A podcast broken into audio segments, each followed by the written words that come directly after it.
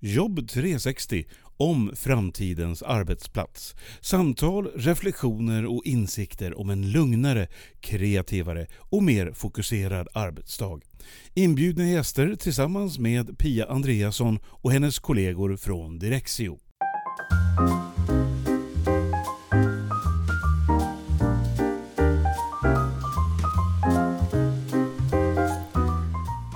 Kommer ännu ett intressant samtal som jag haft här i podden Jobb 360. Och den här gången är det Filip Elland, hållbarhetschef på Castellum som jag pratar med. Och vi pratar om framtidens hållbara kontor. Och det var ju ett ämne som innefattade mycket mera faktorer än vad jag hade trott. När vi spelade in det här samtalet hade både jag och Filip svårt att komma ihåg namnet på Mikael Larsen som var med i podden tillsammans med Filip för två år sedan. Då var också temat hållbara kontor med fokus på medarbetarnas välbefinnande. Så när du hör nu här att jag och Filip försöker komma ihåg namnet på en person, då är det alltså Mikael Larsson, arbetsplatsstrateg och hälsoinspiratör på AFM Nordic som vi tänker på. Välkommen till Jobb 360!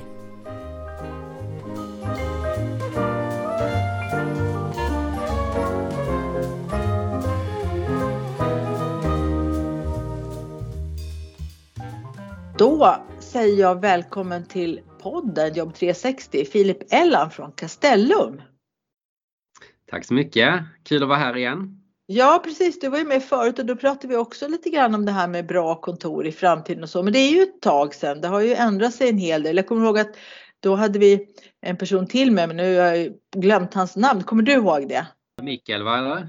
Precis, så var det. Och eh, vi pratade just om hur man gör ett bra kontor. Eh, jag föreslog en glassmaskin där. Jag vet inte om ni nappar på det någon av er, men det var lite så jag tänkte. Men anledningen till att jag vill prata med dig igen Filip är ju att du fick ett väldigt fint pris inom hållbarhet här för en tid sedan. Vill du berätta mer om det? Ja, jag fick ju den här eh, fantastiskt fina utmärkelsen. Om man är svensk så håller man nästan för ögonen för att man vill inte få den uppmärksamheten. Men jag vann ju det här priset, Årets person inom hållbart samhällsbyggande som delades ut av Sweden Green Building Council här för några veckor sedan i Stockholm på en galamiddag. Så det var fantastiskt roligt att både få gå på galamiddag och träffa ja, nästan 500 branschkollegor som man inte har sett på väldigt länge och sen så få det här, den här fantastiska utmärkelsen då. Så det var riktigt roligt och ja, det känns ju också särskilt kul i och med att man själv är väldigt engagerad. Man försöker påverka både bolaget man befinner sig i men också liksom branschen. Försöka att vi flyttar fram positionerna vilket är helt nödvändigt. Så det är jättekul att få den uppmärksamheten. Jag tänkte när du berättar om alltihopa här att det här är ju inget pris man bara får utan det ligger ju mycket hårt arbete från din sida och engagemang bakom som sagt. Och jag tror kanske inte ens att det räcker med hårt arbete utan det är just engagemanget också i det, att man verkligen brinner för hållbart byggande, hållbara kontor och så vidare. Jag tänkte det, att vi ska spåra in just på det därför att hållbarhet inom kontor, vi pratade lite inför det här samtalet du och jag och jag tänkte att ja, ja, det handlar väl om byggmaterial och lite sådana saker men det var ju så otroligt mycket saker så jag vet inte om vi hinner beta av allting just på det här avsnittet. Vi får ta det lite övergripande helt enkelt. Och då är det så att ni på Castellum har ju tagit fram en rapport baserat på 500 intervjuer och ni pratade med fastighetschefer då hur de tänker kring det här med hållbarhet och så. Vad fick ni ut av det? Ja, men det var jättespännande. Vi presenterade den här rapporten här precis före sommaren egentligen nu så den har ju legat och man har funderat lite grann mer och funderat också vad nästa steg är. Men vi gjorde ju den här rapporten om våra kunders egentligen hållbarhetskrav och deras hållbarhetsstrategier tillsammans med sex andra stora fastighetsbolag ute i Europa i en europeisk think tank som vi kallar det, där vi samverkar kring hållbarhet och innovation. Så tillsammans har vi då eh, gjort den här studien, gjort intervjuer med VD eller beslutsfattare för lokalen då eller kontoret och ja, deras då hållbarhetskrav. Och om man ska börja med den här kanske one-linern då, vad den här studien egentligen säger, så är det ju att vid förra flytten så säger de här beslutsfattarna att en av fyra ställde hållbarhetskrav på sitt kontor och vid nästa flytt så väntar sig då tre av fyra ställa hållbarhetskrav på kontoret. Så det är egentligen en jätteviktig slutsats. Det går snabbt. Det är en förflyttning som sker just nu. Så att här gäller det att vara på tårna och ha ett relevant erbjudande då som fastighetsägare. Annars så kommer man inte vara med i matchen. Det får jag verkligen säga. Det var en markant ökning från 25 procent upp till 75 procent av beslutsfattarna kommer att ställa krav inom det här nu när de flyttar nästa gång. Och då undrar jag, vilka områden tänker de på mest av de här beslutsfattarna? Vad är det de lägger i begreppet hållbart kontor? Mm. Och det är här man ser bilden kanske delar sig lite grann. Vi märker ju av att det finns ju några kunder, särskilt de här större företagen som kanske både finns ute i Europa, liksom koncerner eller ute i världen som har egna ganska ambitiösa eller väldigt ambitiösa hållbarhetsstrategier. De kanske har mer specifika önskemål om vad de tänker sig kopplat till deras arbetsplats. Då kanske de pekar på specifika certifieringar exempelvis. Det kan vara BREEAM, LEED eh, exempelvis. Och också specifika önskemål vad det kommer till hälsa och välbefinnande. Vi har till och med någon kund nu som ställer krav på WELL-certifiering av deras kontor. Så det är några sådana aspekter. Sen handlar det mycket om grön mobilitet, att vara en möjliggörare. Vi ser många företag som elektrifierar sin fordonsflotta. Där är ju en jättesnabb utrullning nu kring eh, laddinfrastruktur kopplat till eh, arbetsplatsen. Sen har vi många kunder som kanske eh, vill ställa hållbarhetskrav. Det kanske det här är som är den stora massan men inte riktigt vet vad de ska peka på när det kommer till deras arbetsplats. Miljö och hållbarhet tänker de på, på källsortering, de tänker på ja, sorteringsmöjligheterna då i, i, kontoret. De tänker på vad de köper för el exempelvis till kontoret. Lite mer ospecifikt och de vet inte riktigt hur de ja, vad de egentligen vill. Där ser vi ju en jättepotential för de vill mycket men de vill bli guidade då. Så att här gäller det att ha ett väldigt liksom, relevant erbjudande då. Om man tittar på då de här bolagens strategier generellt, alltså deras egna strategier för att ställa om sin egen affär, så är det ju de flesta av dem, eh, där kommer ju klimat i topp. Just klimatomställningen, någon typ av klimatneutralitetsmål, minskade utsläpp, cirkularitet, alltså kring materialflöden ligger också högt. Den gröna mobiliteten hamnar också högt eh, och sen är det mycket när det kommer till arbetsplatsen kanske kring termisk komfort, alltså inomhusmiljö och den typen av aspekter. Jag tänker på de här kunderna, det är väldigt olika stora kunder som ni har. Som du sa, det finns stora företag som är globala och sen så jobbar ni också på en lokal marknad. Och då kan det vara allt ifrån som du säger att de vill ha BREEAM certifiera sig och väl certifiera sig ner till kunder som knappt känner till att de här certifieringarna finns och om det de känner till är kanske bara att det är någonting och de har tittat igenom det här och tänker oj oj oj som du säger, det här är ovanför vårt huvud. Så hur kan ni på Castellum guida även de här kanske små, lite medelstora kunderna i detta då?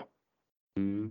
Och där är ju också, man kan säga, eh, när det kommer till fastighetsbolagen då. Nu är ju Castellum, vi är ju ett jättestort eh, fastighetsbolag. Vi är ju nu när vi har förvärvat Kungsleden då, så är vi ju Nordens största listade kommersiella fastighetsbolag. Det innebär ju att vi har mycket kunskap. Vi kan också ta, om man säger enhetliga beslut och, och också om man säger höja lägstanivån på ett annat sätt. Det innebär att vi kan när vi bygger nytt ställa mängder med hygienkrav som vi anser är, där, de här kraven bör vi ställa ur ett hygienperspektiv nästan utan att kunden ställer de här kraven. Men för att då om man säger få med sig kanske den här massan som har svårt, de vill men de, de vill bli guidade. Då tror jag mycket handlar om att försöka förklara mervärdena. Att sälja in en certifiering skulle jag säga, det är ingen som går igång på det utan man måste förklara mervärdena och liksom konkret vad innebär det här? förklara det här med exempelvis kan vi få in dygnstyrd eh, belysning med, med färg, rätt färgåtergivning så blir personalen piggare på kontoret, mer produktiva. Kan vi minska energianvändningen så kanske vi kan minska kostnaderna för kontoret. Vi kan också kanske hitta möjligheter att eh, jobba, det kanske inte blir ur kundens perspektiv men vi kanske kan hitta billigare finansieringsmöjligheter framöver eftersom eh, gröna kontor premieras på olika sätt. Kvaliteten blir högre kan vi jobba med att säkerställa att det inte finns några farliga ämnen eller att det är massa farliga emissioner från material i kontorsmiljön så kanske vi inte skadar människor som faktiskt vistas på arbetsplatsen. Det finns mängder med sådana exempel idag där man har jobbat i dåliga miljöer eh, och det har fått stora hälsoeffekter över tid. Så det handlar om att förklara mervärdena, förklara risker om man inte gör det här. Så att eh, det är ju de här värdena som egentligen man kan sälja in och förklara. För vi vill göra detta för att vara en möjliggörare i omställningen men vill också få människorna i eh, kontoren att må och prestera bra. Det tror vi är, blir liksom det bästa för vår affär över tid också. Så det är ett väldigt eh, långt tänk från det att man kanske ska bygga en fastighet eller bygga om den och sen så ska den inredas med då hållbara material. Jag tänkte återkomma till det och sen så ska man se till att det inte sitter något i väggarna och golven sen bakåt i tiden då. Absolut inte att man bygger någonting eh, som inte funkar för människor. Och sen också det här som du beskriver med belysning och ventilation och den energiåtgång som är kopplat till det. Att man också optimerar det till människorna som ska jobba där. Därför att det är mm. de som i slutändan ska prestera bra. Och det jag tänkte landa i nu var det här med, med återvunnet material. Om jag har förstått saken rätt, jag har haft Place to Place med i podden också, att det är ju en sektor som växer. Att man när man inreder ett kontor på nytt eller bygger så har man tankegångar eller till och med krav på återvinning inom det området. Kan du berätta lite mer om det mer specifikt? Mm, men jag tänker nästan man får nästan backa bandet ett steg för att liksom skapa förståelsen för varför det här liksom är ett så pass viktigt område framåt. Jättemycket eh, just när det kommer till återanvändning, återbrukat. Om vi börjar från början så om man tittar liksom både globalt och globalt då så kommer 40% av världens energirelaterade utsläpp från bygg och fastighetsbranschen. Den stora, om man säger, klimatboven i den här branschen är kopplat när vi bygger om och bygger nytt. Det, I Sverige står det för 60% av utsläppen från den här liksom branschen. Det vill säga användningsfasen då, energianvändning och annat, det är ju den lilla delen av eh, den här branschens utsläpp. Det som man nu börjar fokusera på, vilket är helt nödvändigt, är att fundera på vad är materialet vi använder. Tar man det som har varit i rampljuset de senaste åren har ju varit ta oljeindustrin, alltså fossila tillverkningsindustrin av fossil energi, cement och betongleverantörer, liksom, stål i Sverige. Det är mycket debatt kring det. Men vilka är de stora användarna av det här? Det är ju, skulle jag säga, nästan huvudsakligen bygg och fastighetssektorn. Vi bygger ju hus idag nästan uteslutande av, med fossila material på olika sätt. Så ska vi överhuvudtaget egentligen kunna bygga hus i framtiden och bygga om hus så måste vi göra det med förnybart material. Vi måste kunna eh, hitta, hitta cirkulära kretslopp för allt material vi bygger in. För vi befinner oss egentligen i en helt linjär sektor. Vi idag nyttjar material, vi tar in nytt material, bygger in det och har ingen överhuvudtaget tanke på hur det ska loopas tillbaka i någon typ av cirkularitet. Så att jämföra oss med aluminiumburken i den här industrin är ju som eh, ja, det är ju natt och dag kan man säga och det är det som behöver förändras. Och det är det som är fokus just nu. Och återbruk då, återanvänt material, är ju en väldigt stor del av den här lösningen. Man tänker sig det nya materialet som vi kommer ändå behöva använda. Där måste finnas en loop tillbaka för det materialet så det går att demontera och återanvända. Och sen måste vi få in återbrukat material som en stor del i vår eh, produktion, både när vi bygger om och bygger nytt. För att få ner utsläppen och för att överhuvudtaget kunna motivera att bygga om och bygga nytt i framtiden. Sen kan man alltid fundera på det här med att bygga nytt, men den kan vi komma in på längre fram tänker jag. Behöver vi bygga nytt? Ja, det, ja, precis. Vad bra att du säger det, för jag hade precis tänkt komma in på det. Men, men då svarar du på den här tankegången jag hade då om återvunnet kontorsmaterial och så, alltså stolar, bord och bänkar och gardiner och textilier och soffor och så. Och där säger du att det är ju faktiskt en del av återbruket men man måste börja mycket tidigare än så. Även om det förstås är bra att se sig omkring och eh, kanske titta på Place to Place eller andra ställen där de säljer begagnade kontorsmaterial för det finns ju väldigt mycket där och som han sa det blir ju inte förstört. Det är gjort för att hålla väldigt, väldigt länge. Och då tänkte jag en, en annan fråga som jag har varit inne på lite grann. Vi pratar om att bygga nytt och att det måste se till nu när man bygger nytt att de materialen går att återvinna. Men förr i tiden hade man ju inte det tänket och jag ser framför mig nu när man åker förbi något ställe där de håller på och river något gammalt hus. Alltså man slår ju ner det och det sticker upp betong och tegel och sån här armering överallt och så vidare. Hur pass går det egentligen att återvinna när man måste ta ner ett gammalt hus? Går det att återvinna någonting och hur gör man i så fall? Ja, och det är det som egentligen är det fantastiska. För det handlar om att, om man säger, om du nu ska riva och bygga om på något sätt, så handlar det också om att någonstans göra det på ett varsamt sätt så att du faktiskt kan återbruka det som du då river. Och det, det, är faktiskt så att i väldigt hög grad så kan du återanvända produkter. Sen finns det vissa utmaningar för du kanske till viss del måste då höja standarden på det. Men tänk dig tegelstenar. Det kan du återbruka ganska enkelt. Stålbalkar på olika sätt går att återbruka. Fönster, då har du kanske vissa så här eh, utmaningar när det kommer till försäkring och liksom kvalitetsmärkning och annat. Men det går att lösa ventilations och aggregat går att, att lösa exempelvis. Om de inte är liksom helt uttjänta kan du renovera upp dem, köra in dem. Så att faktiskt det mesta går. Men det handlar också om att få in kunskapen tidigt så man faktiskt också gör sin analys av möjligheterna. Och kopplat till det, även om du behöver lägga en, en peng på att göra den analysen och för att eh, liksom möjliggöra för det här, så finns det en väldigt stor peng att spara i andra änden. Men en av utmaningarna är ju att nytt material, nu kanske det är lite speciellt just nu med pandemin, det har gått upp rätt mycket på prissidan på material och så men det har ju tyvärr varit för billigt att ta in nytt material. Har, man har inte kunnat räkna in där liksom kol, det finns inget koldioxidpris att räkna in. Därför har det ju varit så att det har kanske i vissa fall varit enklare att välja det nya än att försöka hitta återbrukat material. Och också återbruksbranschen har ju varit ganska liten och det har varit svårt att hitta liksom volymer. Men det är det som är egentligen nyckeln framåt. Nu när vi måste säkerställa att den här liksom branschen växer ordentligt och växer snabbt. Vi måste bygga upp lokala lager i våra städer för att få ner transportsträckor. Jag tror vi behöver samverka fastighetsägare emellan för att skapa de här återbrukslagren där vi kan hitta bra produkter som vi kan få in i våra projekt. Så jag tror vi behöver få till liksom både branschsamarbete, vi behöver få in mer kompetens i våra projekt för att eh, möjliggöra den här omställningen. Men det handlar ju mycket mer än om liksom, inredningen i kontoret, utan det handlar ju mycket om de här stora volymerna material. Det är där vi gör störst skillnad skulle jag säga. Så att eh, skapa en typ av marknad för det här och också göra det dyrare helt enkelt att ta in nytt, att låta det, det nya materialet fullt ut få bära kostnaden av koldioxidutsläpp och liknande. Då kan det också bli attraktivt att eh, ta in de här begagnade materialen i och med att de har ju redan gjort sitt koldioxidavtryck och man kan ta in dem så blir det kanske noll eller nära noll. Precis. Då undrar jag nästa fråga nu, jag vet att det här är lite känsligt men finns det lägen då det är mera klimatsmart att riva någonting och bygga det helt nytt? Nej, jag skulle faktiskt inte säga, vilja påstå det. Alltså ur ett rent krast miljöperspektiv. Sen behöver man ju liksom bredda blicken. Men om man bara tittar på koldioxidutsläppen så är nästan det sämsta du kan göra är ju att riva för att sen bygga nytt.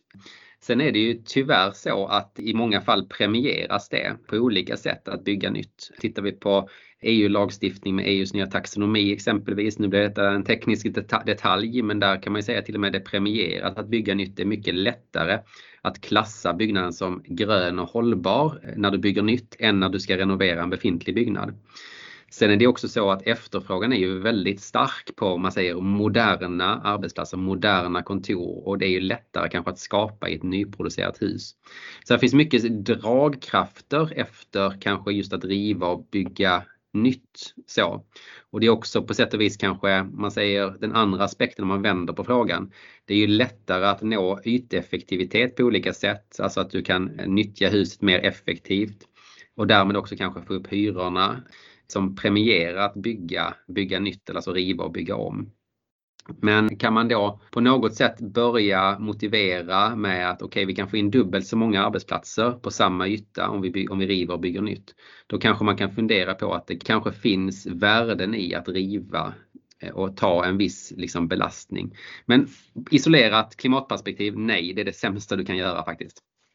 Ja, det var ju bra att du fick tydligt på det. Alltså, du har en ekonomisk aspekt och så har du klimatet och de står ju mm. ofta i opposition till varandra.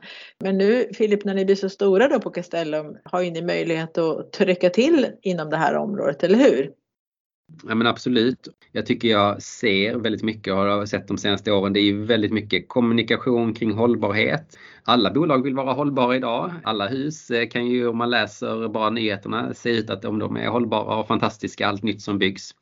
Så är ju kanske inte verkligheten egentligen. Om vi bara fokuserar på liksom klimatfrågan så finns det ju inga hållbara hus idag överhuvudtaget ser vi också det kring, om man säger nyttjandegraden som jag nämnde lite grann. Före pandemin så kunde ju beläggningen, om man ser till över ett helt år i ett kontor, vara ungefär kanske 10 Och ändå kan vi motivera att bygga nytt eftersom efterfrågan är så pass stark. Och det kan vi fundera över lite grann. Jag tror att vi kommer behöva fundera på hur vi använder ytor mer effektivt. Vi behöver fundera på hur vi kan renovera för att uppnå liksom den här yteffektiviseringen. På så vis kanske man till och med kan minska efterfrågan på att faktiskt nyproducerade kontor ur, den aspekten och ändå liksom ur ett fastighetsägarperspektiv så blir det ju lönsamt eftersom ett mer effektivt kontor som används, kan användas mycket mer effektivt kan du också få, få större värden i exempelvis.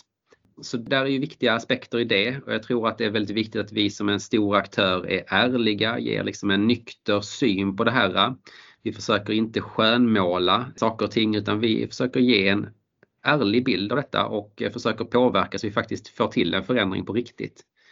För om man säger så, liksom, den tiden när bolag kunde grönmåla saker och ting, den tiden är ju långt passerad och jag skulle säga den generationen som kommer ut på arbetsmarknaden nu, de ser ju rätt igenom bolag som inte är ärliga. Så jag tror det är jätteviktigt att fokusera på det. Jag tror att det kommer också skapa mycket mer engagemang. Ja, när Greta-generationen nu kommer ut på arbetsmarknaden som du säger, det finns ju inte en chans att bara ha ett litet ytligt lager grönmåla. Utan det måste vara helt rakt igenom finnas ett tänk inom allting. Och då har vi ju då byggnaden, vi har energiförbrukningen, vi har ventilationen, vi har hälsoaspekterna som vi var inne på. Den här med nyttjandegraden som du var inne på, den var ju baserat på årstid så var det människor bara 10% av tiden på en viss yta i ett kontor. Det var det så du sa, eller hur? Ja precis, om man tänker sig ett kontor inne i stan så där är då ungefär 10 beläggning över, sett till, över ett helt år när man tittar på tiden då. Det vill säga där finns ju tid på natten, där finns tid över liksom ett dygn, där är helgdagar och annat. Där man liksom kan fundera på hur skulle vi mer effektivt kunna nyttja det här huset? Ja, och jag har tänkt på det faktiskt en gång, inte just när det gäller kontor, även om tanken har slagit mig ibland, men när jag läste en gång i en bok om Island, det här är ju ganska länge sedan, att på den tiden då när den boken var skriven så använde de skolorna där på sommaren som vandrarhem. Så varje sommar när jag passerar en tom skola så tänker jag att ja, det, tänk om det vore något man kunde göra i Sverige. Men nu har ju människor lite kanske högre krav på vandrarhem och skolorna ligger i städerna och så vidare. Men också kontoren samma sak där och när du säger den här siffran 10% då blir jag lite förskräckt. Jag vet ju att beläggningsgraden som man mäter på dagtid då på en viss kontorsplats Alltså en stol, ett skrivbord. I ett kontor där, där man har egna skrivbord så kan ju den beläggningsgraden vara bara 30 procent. Alltså det är bara 30 procent av tiden som det verkligen sitter någon på den stolen. Och det var ju det stora argumentet när man började bygga aktivitetsbaserade kontor för en 7-8 år sedan i Sverige i lite större skala. Nu har ju pandemin kommit och visat oss allihopa att ett hem kan ju också innehålla en kontorsplats och då är vi ju verkligen nere i att utnyttja en yta, en byggnadsyta väldigt effektivt. På kvällar och helger och nätter då är det en bostad och på dagen så blir det ett kontor. Det är ju lite fiffigt. Hur kommer det att se ut tror du med kontoren i framtiden? Pandemifaktorn och människor har lärt sig jobba hemma och så. Vad tror du och vad ser ni i branschen att, att det kommer att påverka? Mm. Nej, men jag tror att de här liksom digitala verktygen som vi nu har liksom verkligen har lärt oss och som har skapats under pandemin, det ju, skapar ju fantastiska möjligheter. Men jag tror också man ska vara försiktig att fundera att det bara kommer vara på ett sätt. För jag tror det kommer vara på väldigt många olika sätt. Och det är också väldigt knutet till vad du gör. Jag kan ju tycka att om jag tittar på min egen arbetssituation så kan jag tycka det är superlätt att jobba varifrån jag är. Det spelar ingen roll om jag är på tjänsteresa i Finland eller om jag sitter hemma och jobbar eller om jag är på kontoret. Jag kan alltid docka in min dator och köra.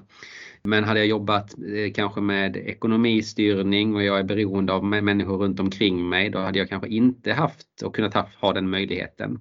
Eller om jag jobbat eh, ute i förvaltning exempelvis i vår verksamhet och hade haft hand om de här kontoren och skött den tekniska driften, då är det ju väldigt svårt att jobba på distans. Så att det är väldigt knutet till vad du gör. Det är väl den första biten, men jag tror definitivt att många kommer ju att eh, jobba mer flexibelt framöver. Och jag tror att många företag behöver sätta smarta strategier som möjliggör för det. Att bara sitta hemma tror jag kommer vara svårt, både liksom ur företagskulturperspektivet men också om man tänker ur arbetsgivarperspektivet. Sitter den här personen bara hemma och jobbar så har du ju ett arbetsmiljöansvar som sträcker sig in i hemmet och det kan man ju alltid sätta ett frågetecken på.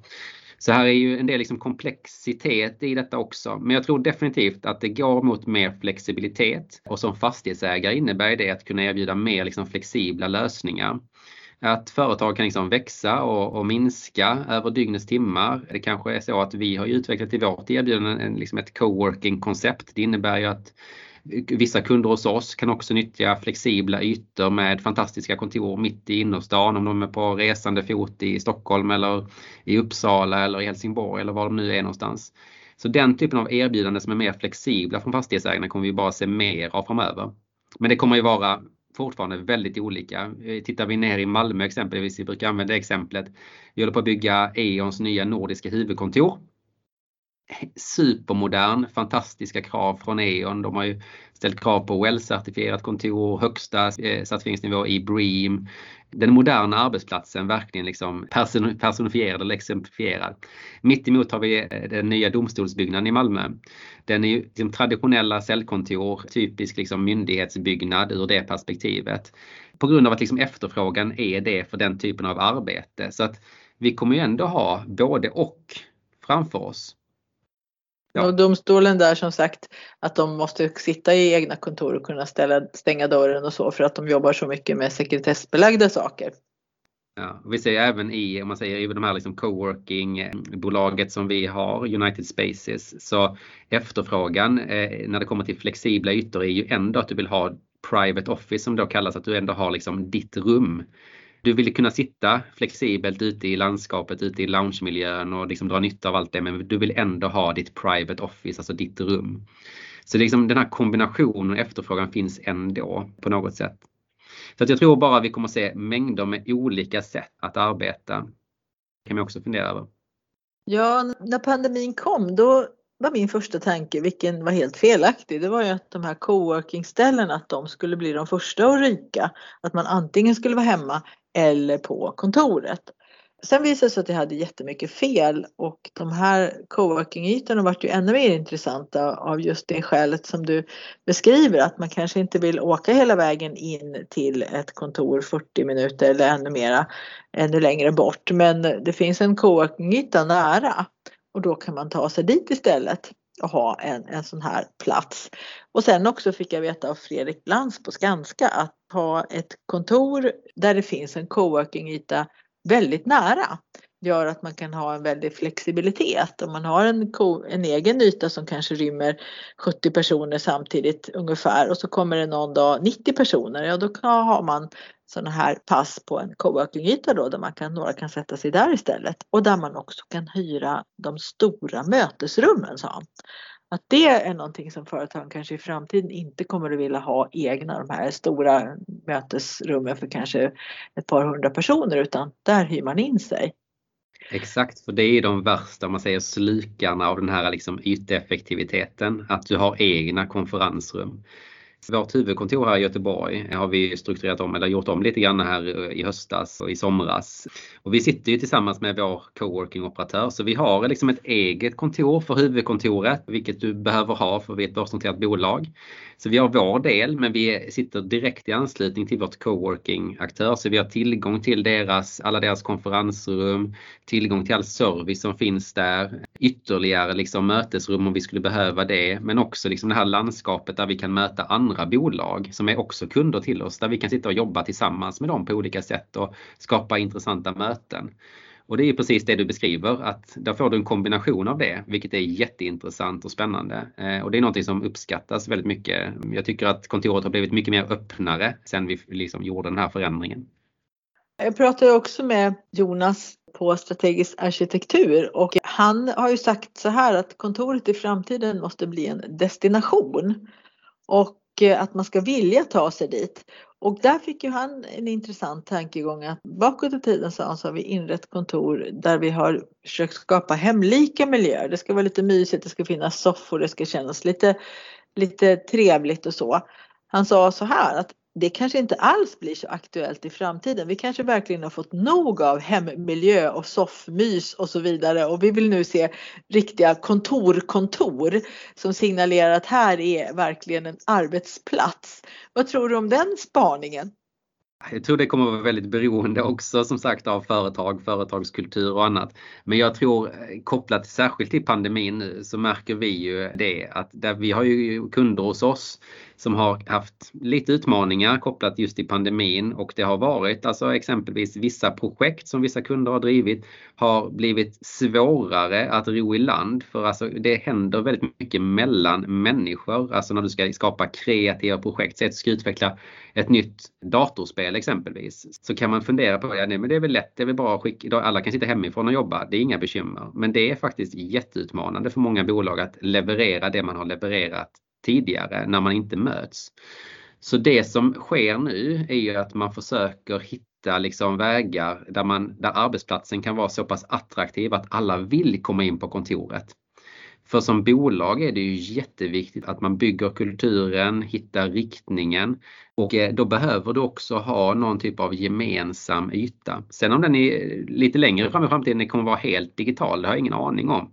Men vi människor är ändå någonstans inte så eh, biologiskt utvecklade som vi kanske ibland tror att vi är. Vi är beroende av de fysiska mötena och vi, vi påverkas väldigt mycket av dem.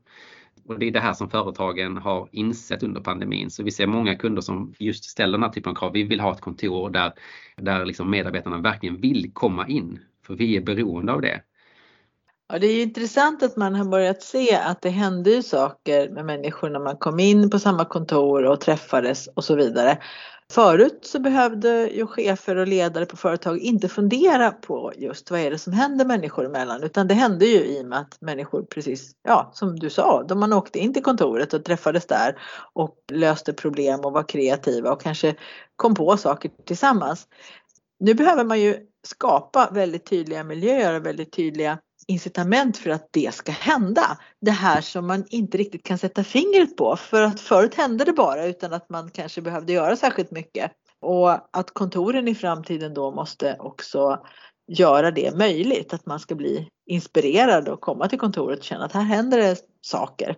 Och då kanske de där cozy sofforna inte är det viktigaste längre utan det är just det där att skapa de här ytorna där man faktiskt träffar varandra.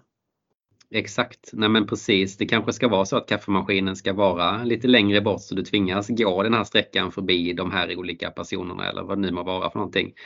För just kontoret är ju egentligen en mötesplats. Och jag tror man kanske ännu starkare kommer försöka eftersträva det framåt. Men vi får väl se vad framtiden utvisar. Det är alltid lätt att sitta och spekulera utifrån så här är det just nu och vi vet ju först i efterhand lite grann som du själv sa. Man trodde att det skulle bli på det här och det här sättet.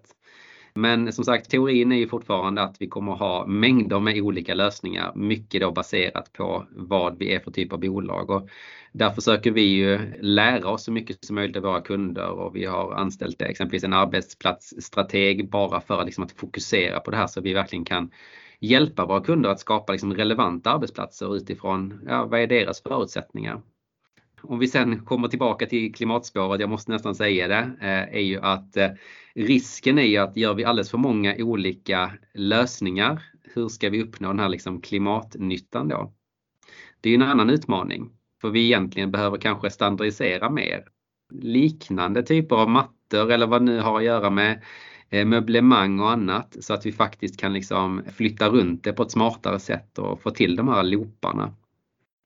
Ja, det är väl det som ni på Castellum siktar på här nu framåt och hur ska ni kunna skapa de här kontoren? Därför att som du var inne på förut, de riktigt stora företagen, de kan ju ha egna personer anställda, sådana som du som, som tänker och ställer krav och som känner till allting. Men alla andra, de behöver ju uppbackning av sitt fastighetsbolag helt enkelt. Och nu har vi ju dig där på Castellum Filip som har fått det här tjusiga priset då som vi vet vi verkligen att du, att du kan dina saker. Jag tror vi får anledning att träffas igen i podden och se hur det här med klimattänket har landat framåt då. Och det jag är nyfiken på då det är ju just hur tänker företagen och vad är det de behöver extra mycket stöd i. Men det får vi ta ett annat eh, avsnitt till helt enkelt. Så jag säger tack till dig Filip att du ville vara med i podden än en gång. Tack för att jag fick vara med. Fantastiskt. Jättekul.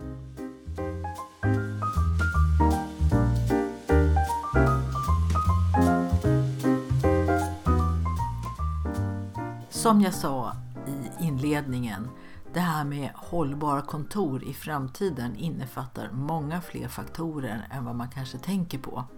Och då är det bra att Castellum och även kollegorna i fastighetsbranschen har personer som kan hjälpa till när man ska bygga nytt eller inreda ett kontor.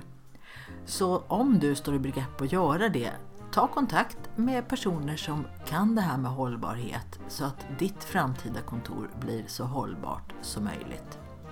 Tack för att du lyssnar på Jobb 360.